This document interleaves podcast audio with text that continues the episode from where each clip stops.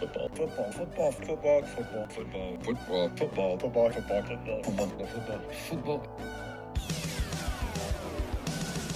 It's the football, football, football, and sometimes other sport show. Here's your host, AJ Nicoletti. What up?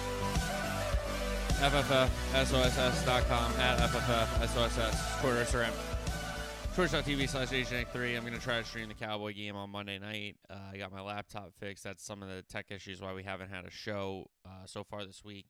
If you're listening to this ahead of Super Bowl Wildcard weekend, this is being recorded on Friday and released on Friday morning. So uh, if I sound a little tired, I am. So, um, yes, uh, big, big, big show. NFL Super Wildcard Weekend storylines, and we'll do our game by game Super Wildcard Weekend preview. Talk a little NFL coaching carousel. Look ahead to the weekend soccer matches, and then uh, pick six, pool locks. Just recap that at the end of the program because we didn't have a show on uh, Tuesday, and um, yeah, it's uh, it's been tough. You know what's going on, so we're all right though. We're hanging in. So, um, I'm gonna try to stream the Cowboy game on Monday night. I got my laptop fixed, so hopefully the issues of like the lag and the I don't know the drop frames and all that kind of stuff goes away because we have the little Ethernet hookup, so we're not going to stream on the Wi-Fi, and we have a new battery in the laptop for performance. So I don't know. I mean, fingers crossed. We'll see. But again, I don't know if you're supposed to stream off laptops anyway. but we can try. We can try. So we'll try to do that Monday night. I'll try to get the show done ahead of uh, when the game kicks off, so we can stream that game. So and then we'll finish the show after the game. Hopefully after a Cowboy win. We'll see. As you know, I try not to be biased, but I'm I get excited. My team's in the playoffs. What do you want me to do? So we'll talk about some storylines of Super Wild Card Weekend. Talk about the games and a preview, NFL coaching carousel, weekend soccer preview. Uh, just a shout out to Damar Hamlin. What a story. Also, Peyton Hillis is out of ICU, I believe. I saw on Reddit. So, um, two unbelievable stories. And hopefully, those guys can make full recoveries. Because that would be really, really cool. All right. Um, kickoff Super Wild Card Weekend storylines. The one seeds in both leagues, the Chiefs and the Eagles in the AFC and NFC, respectively, at home with buys. So everybody else playing. We got rematches galore. Yeah, there's three division games, so that's a given. But the three other games, like you, you don't often get inter or out of division, uh, um, interconference rematches in the postseason, at least in the first round, in my opinion. But um, three division games, so that's a given. But three other rematches is pretty cool. Seven of the twelve did not make the postseason last year. So we have seven new teams from last year's postseason and this year's postseason Baltimore, Jacksonville, the Los Angeles Chargers, the Dolphins of Miami, Minnesota Vikings, New York football Giants, and the Seattle Seahawks. Seven new teams out of the 12 in the postseason. Then we have Brock Purdy. Skylar Thompson is going to start for Tua, which is unfortunate for the Dolphins and the Dolphins fans, but it's for the safety of Tua. So that's smart. Purdy and Thompson starting first time. Two rookies have started since three started in 2012. I'll give you a second. Can you think about who they are? Two, three, four. It's Andrew Luck, RG3, and Russell Wilson was also in that rookie class. Pretty wild to think about that. Five first year head coaches in the postseason. Doug Pederson led Jacksonville.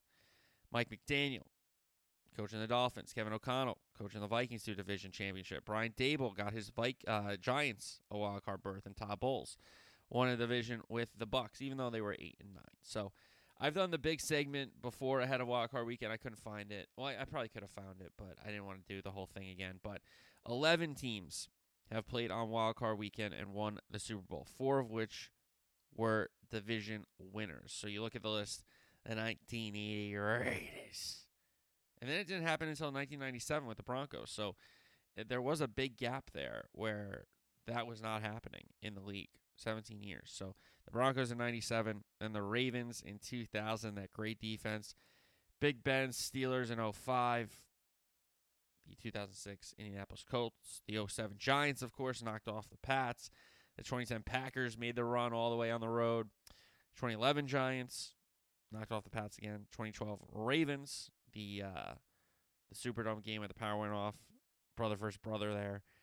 That was in 2012, and it had not happened until 2020 with the Bucs, and then last year went back to back with the 2021 Rams. So it, it hasn't been the curse it used to be when you look at before 1980 when they didn't really have the round, but from 1980 to 97 it didn't happen, and then happened sometimes in the 2000s, a couple times in the 2010s, and then last year in the, the season before it's gone back to back. So it isn't impossible to win the three games in your conference and then win the Super Bowl.